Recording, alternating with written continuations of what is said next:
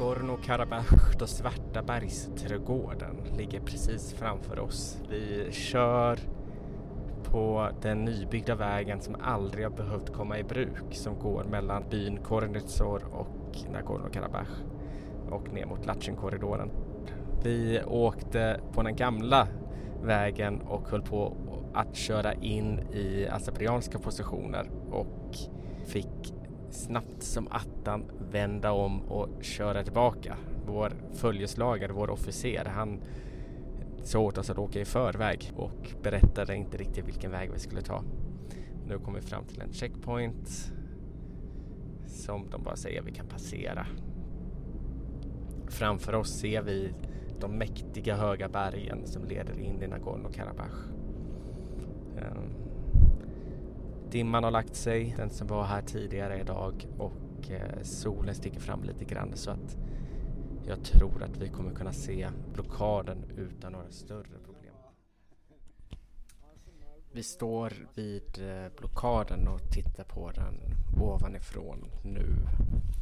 Vår eh, följeslagare, militärofficeren, han pekar här framåt mot en militärpostering. Den ser, ser ut att tillhöra Armenien. Här får vi inte ta bilder, säger han i bakgrunden. Jag vet inte om det hörs. Um, framför mig ser jag en bro. Den var redan byggd förra gången när jag var här i mars, men den gången fick jag inte ta bilder. Uppenbarligen får jag ta bilder den här gången, men bara det inte är på armeniska positioner. På andra sidan bron är en eh, azerbajdzjansk gränspostering. Det är grönt tak och jag ser en stor azerbajdzjansk flagga uppe på en kulle bredvid den. Precis bakom gränsposteringen är en rysk militärbas, kanske bara 10 meter ifrån. Formellt är det ju ryska fredsbevarande trupper som har mandat att bevaka den här vägen, den humanitära korridoren som leder mellan Armenien och Nagorno-Karabach, Latchin-korridoren. Men sedan i fjol i december så har blockaden som Azerbajdzjan haft varit aktiv. Blockaden har gått i eh, tre olika faser. Initialt var det azerbajdzjanska så kallade miljöaktivister som höll i eh, blockaden. Därefter från och med i slutet på april byggde man då den här militärposteringen, gränsstationen med det gröna taket som jag står och tittar på nu. Då kunde fortfarande internationella Röda Korsfederationen, ICRC, åka in med förnödenheter och föra patienter ut ur Nagorno-Karabach. Det kan de inte längre sedan i juni i år. Den totala blockaden har pågått i nästan tre månader nu och eh, det kommer var, varken in mediciner, mat eller andra viktiga förnödenheter i Nagorno-Karabach. På andra sidan blockaden bor det ungefär 120 000 armenier som idag inte har någon mat överhuvudtaget. Det är en bisarr scen att stå här och tänka på att bara en timme bort så bor de här människorna och de kan inte komma in eller ut.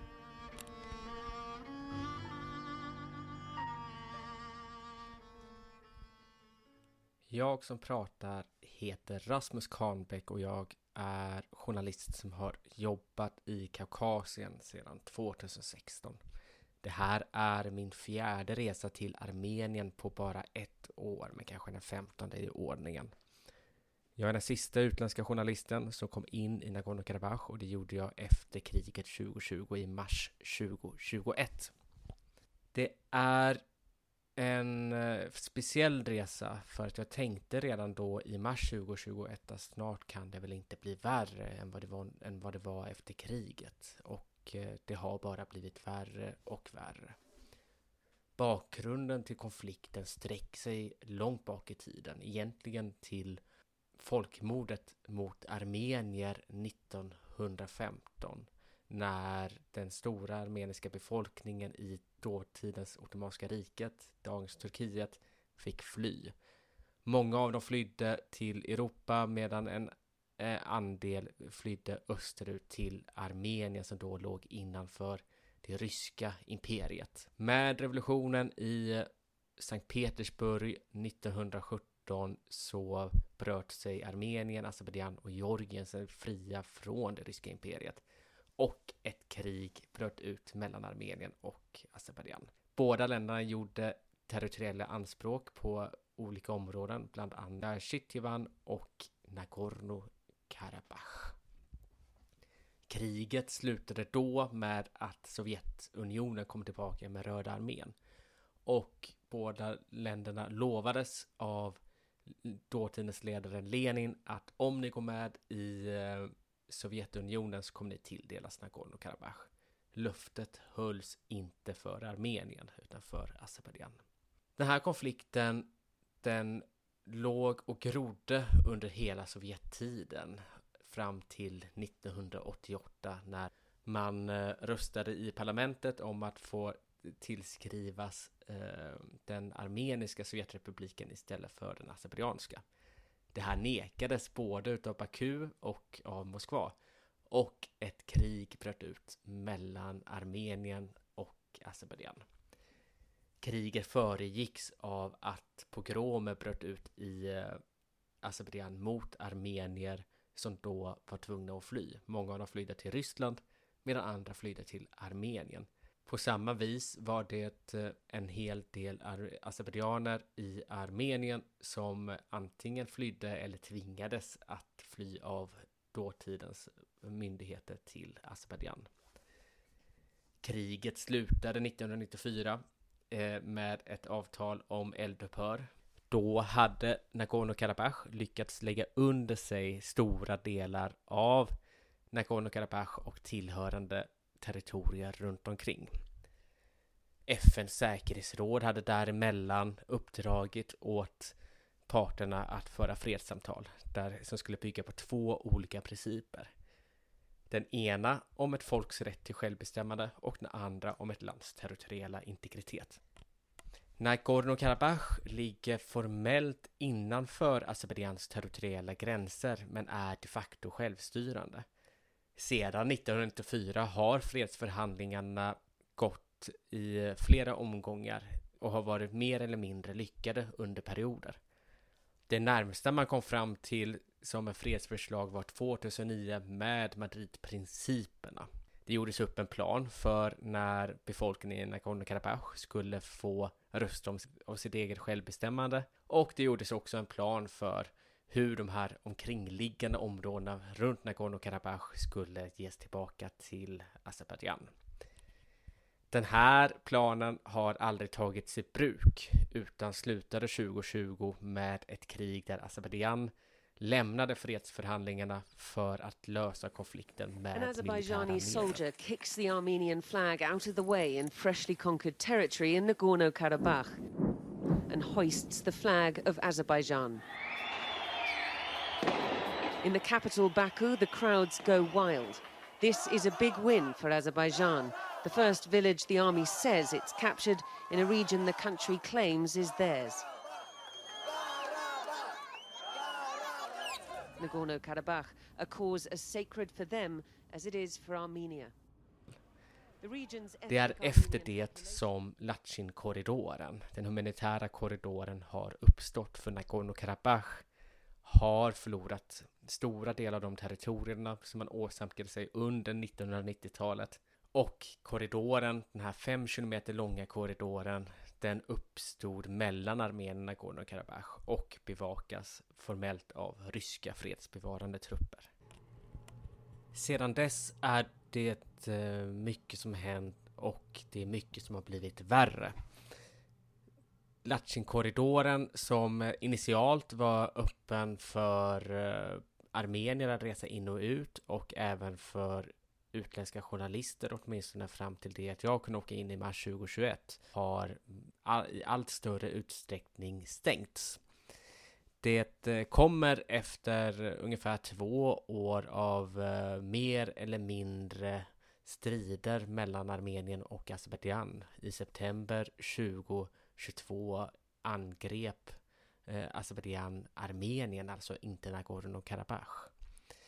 Det här angreppet kom samtidigt som EU-kommissionen slöt ett nytt gasavtal med Azerbajdzjan där man fördubblade gasimporten från landet.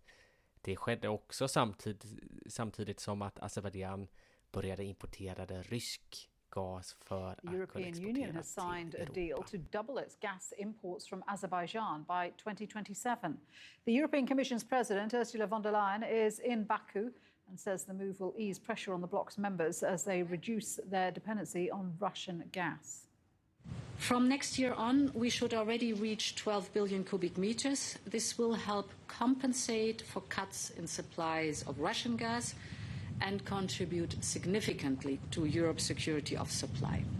Gradually, Azerbaijan will evolve from being a fossil fuel supplier to becoming a very reliable and prominent renewable Det energy är med andra ord ett, eh, ett läge som hela tiden försämras för armenierna i Nagorno-Karabach och armenierna i Armenien.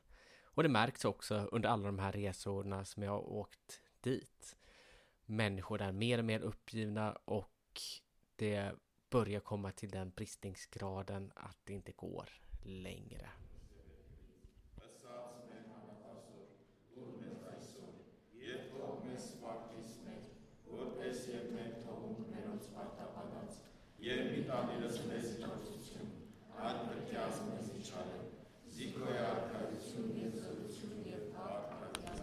Det är söndag och ni hör för vår i bakgrunden i ett kloster utanför Armeniens huvudstad Jerevan. Jag är här för att träffa studenter från Nagorno-Karabach som har lyckats komma ut i utbyte mot att inte kunna återvända. Det är nästan inga killar bland dem som har åkt utan bara tjejer. Det kommer sig av att flera av de killarna som har försökt att lämna Nagorno-Karabach med de här studenterna har blivit gripna vid gränsen på grund utav att de har varit soldater i kriget 2020. Så det finns en oro för att man ska bli gripen om man tar det här erbjudandet. Jag ska snart träffa några av tjejerna för att se vad de säger. Նաև ոնց ճոկան կուրանք վեր ալենին այդքան որանց կողքին պահալան տա զազերշկայլա վերանց այդ սով մաշինեն կյան հա Պրադա վերևից եկավ, Պրադո, հա։ քմուկին կաղնո։ Այդ ընթացքում ուրանք տաներան ազաջրվտներից ալենին վեր սկսան զանգզանգան։ Uh, so there was one girl. She says she was wearing uh, eyeglasses, and then when she approached to the checkpoint, they said in the passport it is she was not wearing an eyeglasses, and they said it is not you in the picture. This is not your passport, or show another passport because this is not you. She says fortunately she had her student card as well with her, so she showed it. And then uh, we were standing like it was my turn. They took my passport, and suddenly we heard like kind of noises. We turned back, and there were a lot of guys surrounded. Their guys surrounded uh, Alan, the guy. Uh, then the Russians started uh, wanted to help, but uh, wanted to interfere. But they said, "Russia, it's not your problem," and they broke. They kind of cut the way for the Russians as well, and. um this guy was taken. He says we realized that while we were standing there and waiting, they just made used this time to call because another car arrived.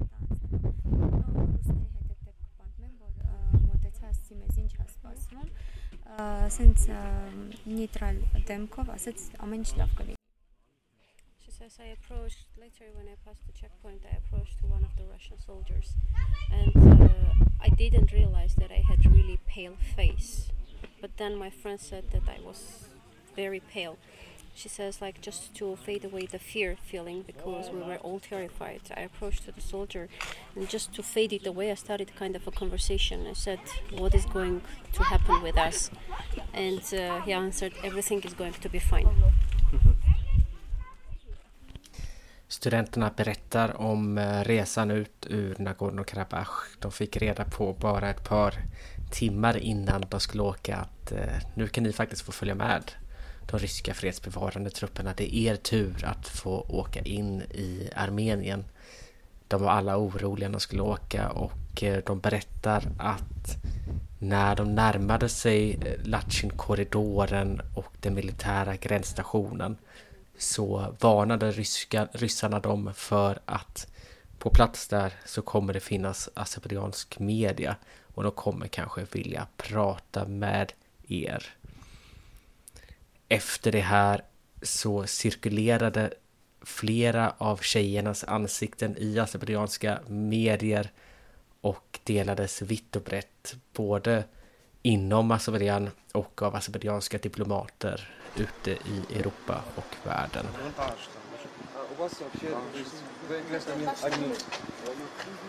Простите, но ничего я не хочу говорить. Простите, я... Я уже все говорила, не хочу.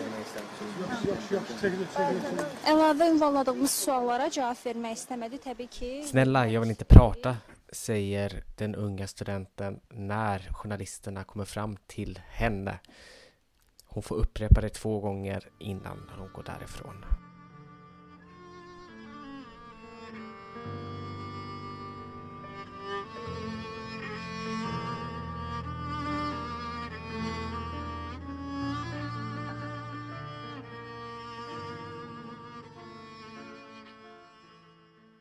These are the empty store shelves of Nagorno Karabakh, with little hope for new deliveries anytime soon.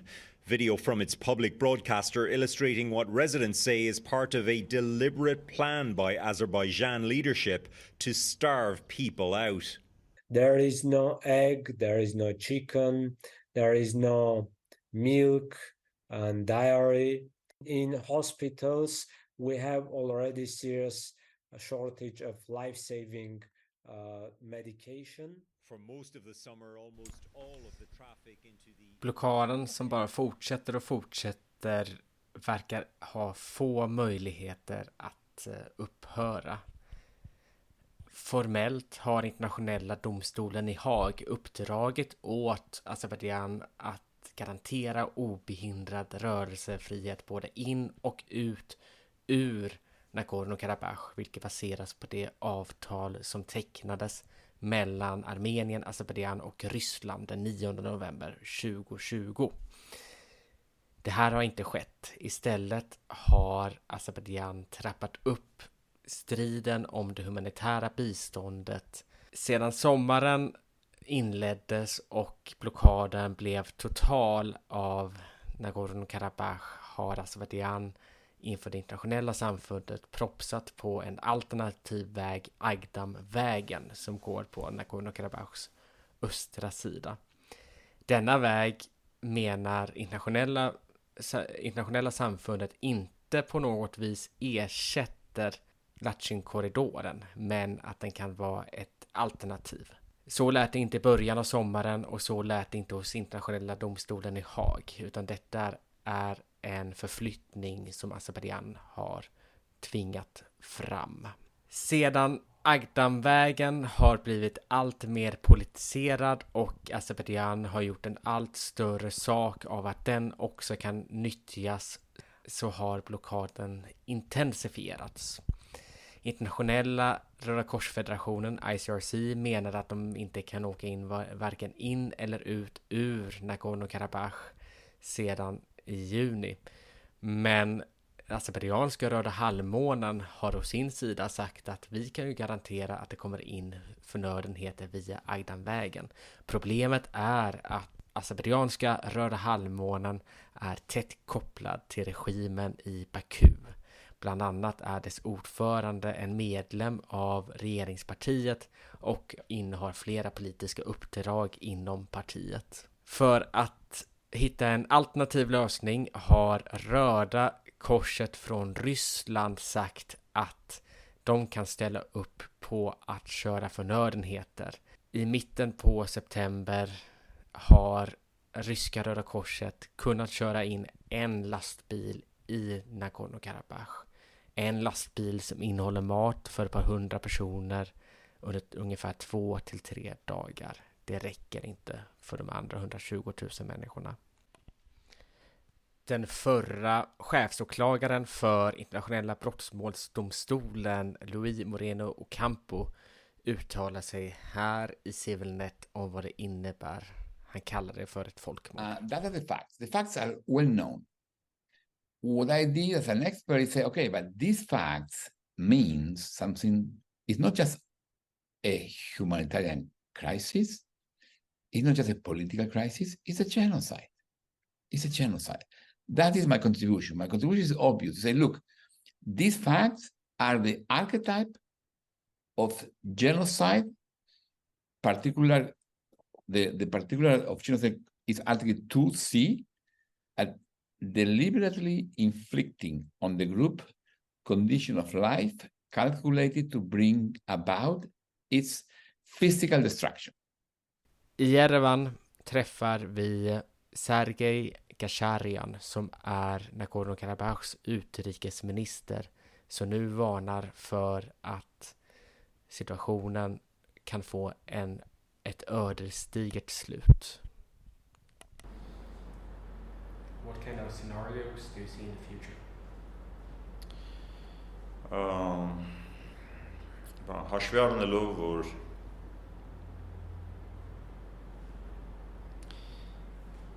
մեր կողմից խոսվում էր ցեղասպանության կանխարգելման մասին եւ ինչպես տեղյակ եք միայն հայկական կողմերի կարողությունները բավարար չեն զսպել նման աղետալի սցենարի հավանականությունը Han resonerar att det finns två olika scenarier. Det första scenariet är ett folkmord. Detta baserar han på vad de själva upplever håller på att ske för tillfället, men också vad internationella experter såsom Ocampo har uttryckt. Ett andra scenario är ett mer lyckligt scenario och det baseras på att eh, internationella samfundet lyckas sätta press på Azerbajdzjan men också inte bara reagerar i form av fördömanden utan agerar i form av konsekvenser mot Azerbajdzjan.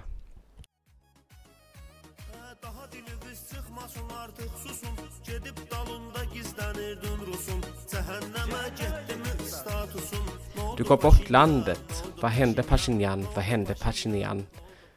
Du, vi fördrev de armeniska skithögarna vad hände Pashinyan? Vad hände Pashinyan? Detta är en av många krigssånger som skrevs efter krigsvinsten mot Armenien 2020 i Azerbajdzjan. Den azerbajdzjanska sidan ser givetvis väldigt annorlunda på konflikten. Man grundar själva kriget på ett narrativ om att Azerbajdzjan skulle försvara sin territoriella integritet. Men det är bara det juridiska och mest ytliga narrativet som är toppen på isberget. Bakom det finns något helt annat. Ilham Aliyev, Azerbajdzjans president, har själv beskrivit det som ett livslångt mål att vinna kriget. Här berättar han om det i Euronews från juli i år. What would you say your mission is? Is it to win a war or to bring lasting peace? Well, to win a war was a mission uh, of my life, of my political life, which ended successfully. So we won the war despite many factors. Med det ökade stödet för Ilham Aliyev har också regeringen genomfört ett par auktoritära lagförändringar. Bland det första man gjorde strax efter krigsslutet var att eh, begränsa mediernas frihet i samhället. Ganska snabbt la man fram ett lagförslag som trädde i kraft Eh, ett år senare, den 1 januari 2022, som innebar att den fria journalistiken helt och hållet förbjöds i princip. De fria journalister som nu arbetar i Azerbajdzjan, de gör det under ständigt hot om att arresteras, om att misshandlas, ibland torteras. Vi ser också en eh, ökad eh, förföljelse mot oppositionella som representerar grupper som är emot kriget. Unga aktivister, ofta bara 18, 19, 20, kanske uppemot 23 år gamla, har aktiverat sig efter kriget i opposition mot den stora folkliga viljan att faktiskt vinna kriget. De här aktivisterna, de har kämpat. En av dem är Samet Sishi. Här berättar han om hur de organiserar sig. Uh, we should have serious arguments, uh, pro, uh, proposals and Han berättar att antikrigsrörelsen framförallt består av individer och inte organisationer. Anledningen är att de är förbjudna i Azerbajdzjan, vilket gör att antikrigsrörelsen bygger på enskilda initiativ från de här individerna som anordnar seminarier eller eh, för samtal sinsemellan. Nyligen har den största antikrigsrörelsen Demokrati 18 fått stänga ner. Jag frågar honom hur öppna antikrigsrörelsen kan vara i Azerbajdzjan trots detta. Uh, during uh, the 44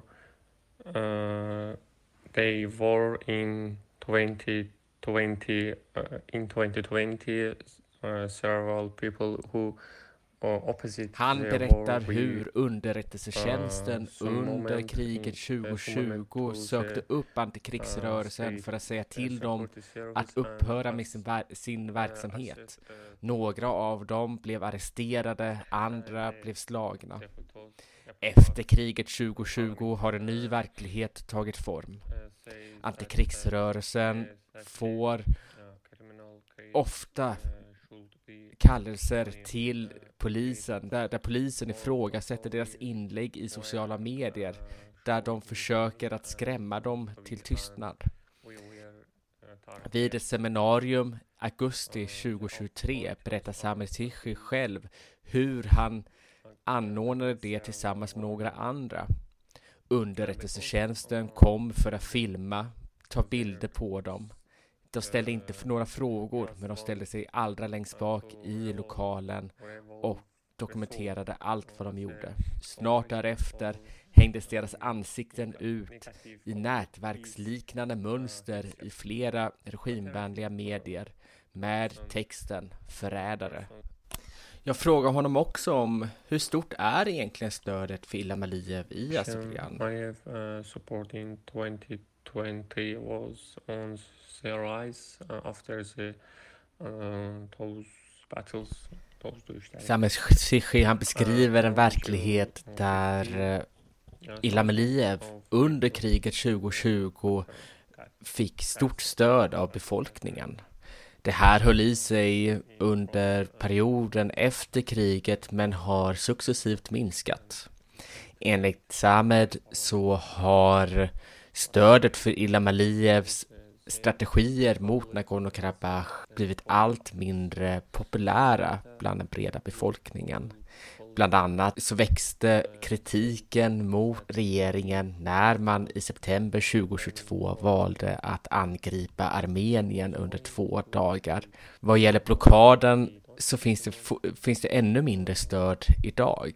Det, även om det är så att det är många som inte riktigt känner till vad som händer kring blockaden så bland de som är insatta så är det många som väcker frågan men hur kan vi behandla armenierna i Nagorno-Karabach på detta vis och förvänta oss att de ska underkasta sig Azerbajdzjan?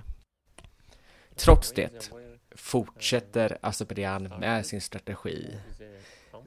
Delvis beror det på att oppositionen är så pass svag. Det finns en, eh, en begränsad enighet i hur man ska ta sig an regimen i Azerbajdzjan. Delvis beror det på att regeringen har arbetat under så pass lång tid med att bygga den makt som den nu har. Det sägs att nästan 65 procent av landets ekonomi är direkt underställd Ilham Aliyevs familj. Det är korruptionsmönster som sträcker sig långt bak i tiden som man har byggt upp systematiskt sedan 1990-talet för att få den totalitära makt som den nu har idag.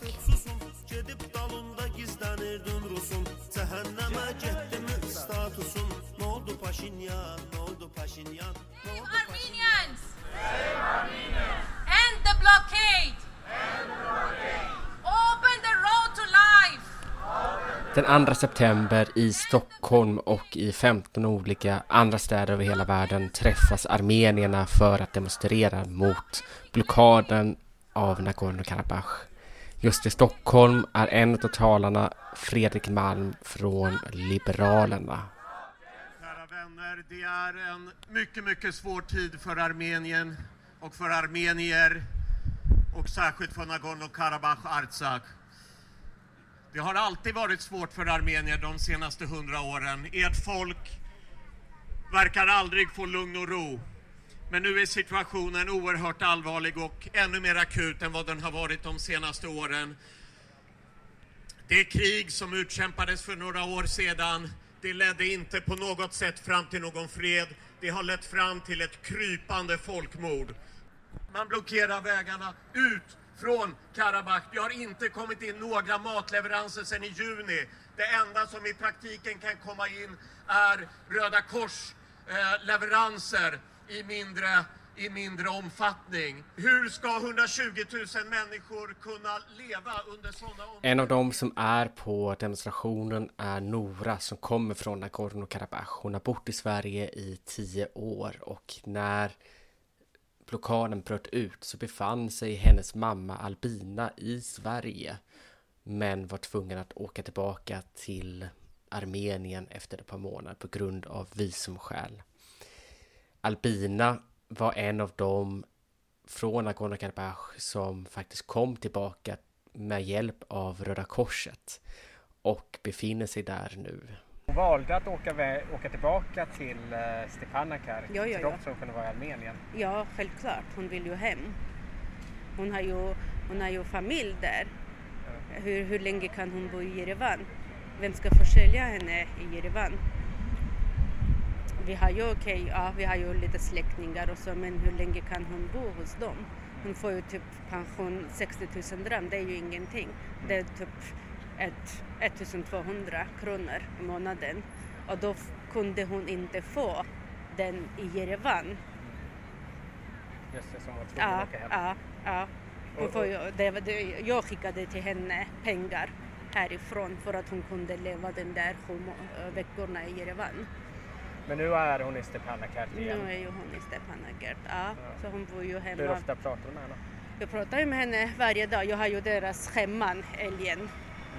Elschema? Elschema har jag, ja, deras. Så jag vet ju. När de har ju inte el som min syster har ju, då ringer jag till henne. Mm. Hon bor ju hemma med min bror och hans familj. Han har ju två små barn. Mm. Hur, eh, hur har det varit sedan hon kom tillbaka till Stepanakert? Men från början var ju fram till den uh, helt när de mm, blev ju under blockad var ju ändå lite okej. Okay. Så ryssarna tog jag ja, mycket med Röda Korset och så här. Det var ju ändå okej, okay. inte bra men okej. Okay. Just nu sista veckorna är ju helt, helt sorgligt, helt katastrofiskt. Det mm. finns ingen ingenting, ingen ingenting. Eh, har hon stått i brödköer eller eh, har hon kunnat få Ja, ja, ja, alltså hon, hon hon kan ju vakna klockan två på natten, stå ju i kö fram till klockan sju, åtta på morgonen och då får man två stycken bröd. Och två stycken bröd är inte i Sverige, den, den väger inte typ 700 gram. Det är ju 250-300 gram. Mm. Och sen, det, det finns inte smör till den där brödet. Alltså man kan ju äta bara bröd och te till frukost, ingenting annat. Inte så här att det, det finns ost eller marmelader eller jag vet inte mycket annat till. Nej. Och sedan, eh, hur, hur är det idag då? Så finns det fortfarande bröd eller? Nej, sista, uh, de har ju sagt, uh, igår fick ju en familj en bröd. Mm. Även om du är fem stycken som bor i den där familjen har du rätt att få en bröd, 300 gram bröd. Men idag imorgon kommer det inte vara någonting. Alla bagerier är stängda. Kommer det komma i framtiden? Det vet ju ingen. Nej, det vet ju ingen. Sedan intervjun med Nora ägde rum så har det visat sig att det inte finns något bröd att tillgå i Nagorno-Karabach. Man lever bara av de få grödor som är kvar och många säger att det inte kommer att räcka för vintern.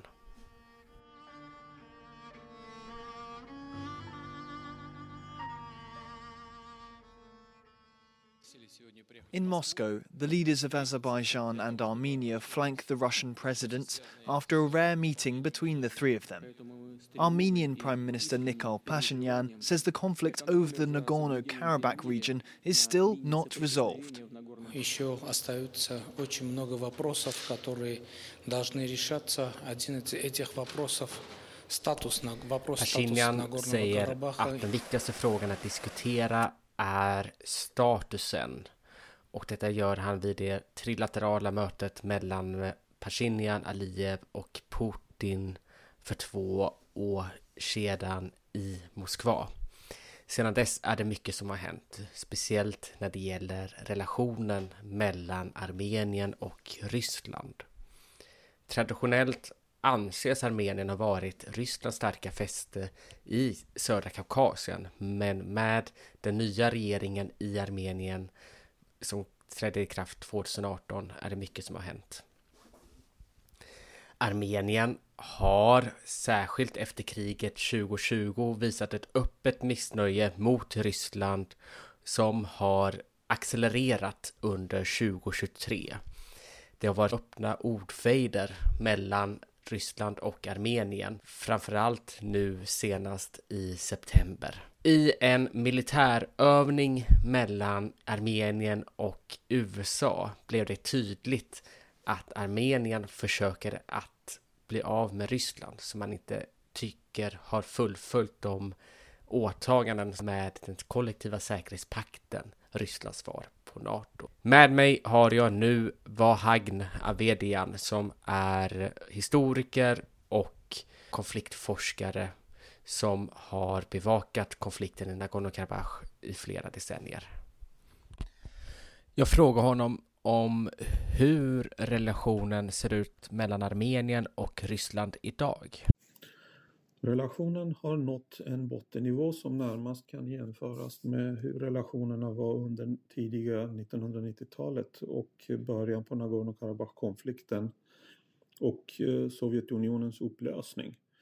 Då var det den så kallade Operation Ring 1991, eh, ett samarbete mellan sovjetiska och azerbajdzjanska arméerna då 40-tal samhällen och byar i och runt Nagorno-Karabach rensades på deras armeniska bef eh, befolkning, eh, närmare bestämt i Shahumian, Shushi och eh, Hadrut.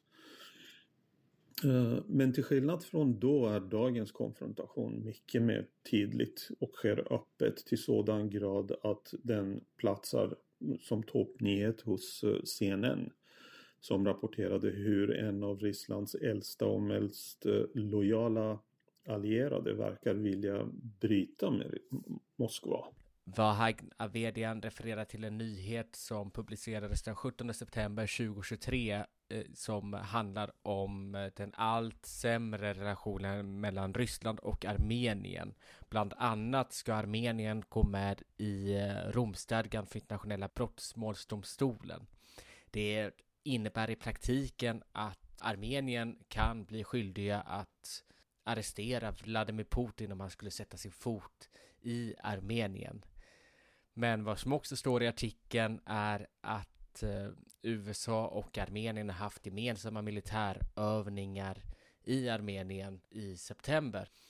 Och eh, det här gör att relationen kan försämras allt mer. Jag frågar Vahagn, vad är det egentligen som har orsakat att relationen kan ha blivit sämre?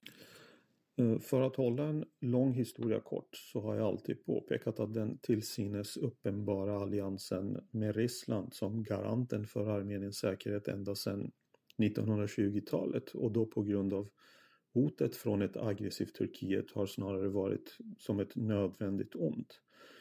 Alliansen med Moskva var helt enkelt en nödlösning när Armenien hotades på två fronter. Eh, turkiska armén i väst och Röda armén i öst. Och regeringen i Jerevan fick helt enkelt välja Ryssland för att undkomma en eh, säker total utplåning i spåret av folkmorden 1915. Eh, och när Armenien ockuperades av Röda armén och införlivades i Sovjetunionen Eh, armeniska regeringen hade själv velat komma närmare Europa och väst men fick kalla handen från USA och de andra europeiska stormakterna som uppvaktade Turkiet men också Azerbajdzjan på grund av oljeresurserna helt enkelt. Eh, och Ryssland och Stalin var sedan direkt upphovsmakare till uppkomsten av den Eh, 90% armenisk befolkade Nagorno-Karabach som en enklav i Azerbajdzjan och ett medel för politiken för söndra och härska och därmed roten till dagens konflikt. Och konflikten har missbrukats ända sedan dess eh, för att hålla Jerevan och Baku i styr. Men när Moskva på ett sådant tydligt sätt valde att bestraffa nuvarande armeniska administrationen i kriget 2020 när Moskva avstod från att hjälpa sin inom citationstecken allierade eh, och sen vägrade göra samma sak när Azerbajdzjan invaderade Armenien så har man helt enkelt sett Rysslands roll som inom citationstecken säkerhetsgarant avverkat. Eh, tvärtom så ser många Ryssland som möjliggörare av Azerbajdzjans politik för en definitiv etnisk rensning av eh, Artsach eh, eller Nagorno-Karabach som den internationellt är erkänd som. Dessutom är Wagn kritisk till hur västvärlden ända sedan 1920 har hanterat Armenien.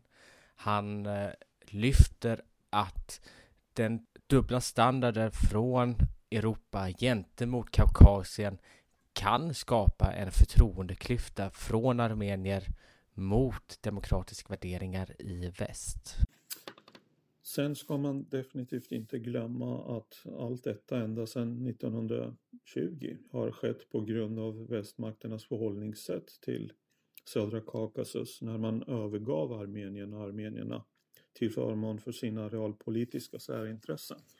Och detsamma gäller än idag när man å ena sidan slår sig på bröstet för försvarandet av demokratin och dess värderingar i Ukraina mot ett auktoritärt Ryssland som bryter mot folkrätten och mänskliga rättigheterna.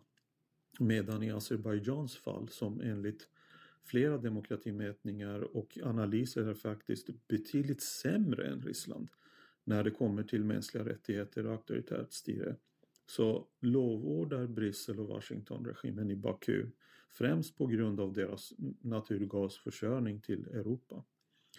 Eh, den här tydliga skillnaden i hur Europa och USA förhåller sig till demokratiska värderingar beroende på var de berörda folken finns, Ukraina eller Artsach i, i detta fall, har verkligen skadat armeniernas tilltro till huruvida eh, strävan för demokrati är värt priset som armenierna nu betalar för. När auktoritära styren i Ryssland och Azerbajdzjan samarbetar med varandra medan de demokratiska staterna i västvärlden godkänner övergreppet genom sin tysta eh, passivitet.